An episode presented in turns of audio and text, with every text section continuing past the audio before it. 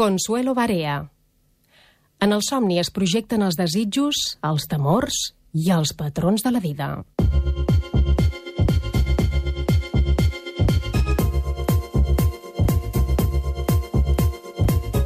En parlar de somnis em venen a la memòria dos referents.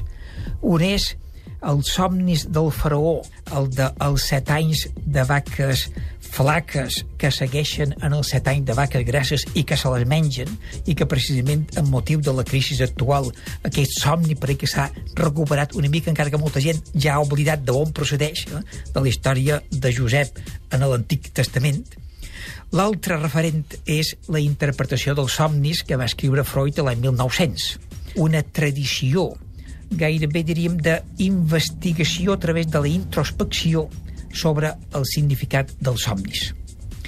Jo no recomanaria en els pares, les mares o el professorat que juguin a fer psicoanàlisi barat fent interpretacions superficials de lo que és un somni.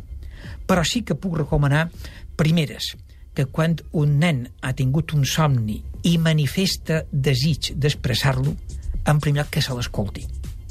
Molt important que ell se senti escoltat i que li puguin fer preguntes que li ajudin a reflexionar sobre aquest somni i veure què és el que m'està passant per dins. Per què he tingut aquest somni? Els somnis tenen una estructura surrealista, hm? són absurds, hm? i a vegades es tracta de buscar coherència. Buscar coherència en els somnis vol dir buscar per què puc haver somiat jo això? Què té a veure amb el que m'ha passat durant el dia, amb el que m'ha passat recentment? I què hi pot haver d'amagat? Perquè a vegades són desitjos inconscients que afloren a través del somni. Per això, només el fet d'escoltar-lo i de preguntar-li tu com interpretaries això? I que ell mateix aprengui a donar un sentit.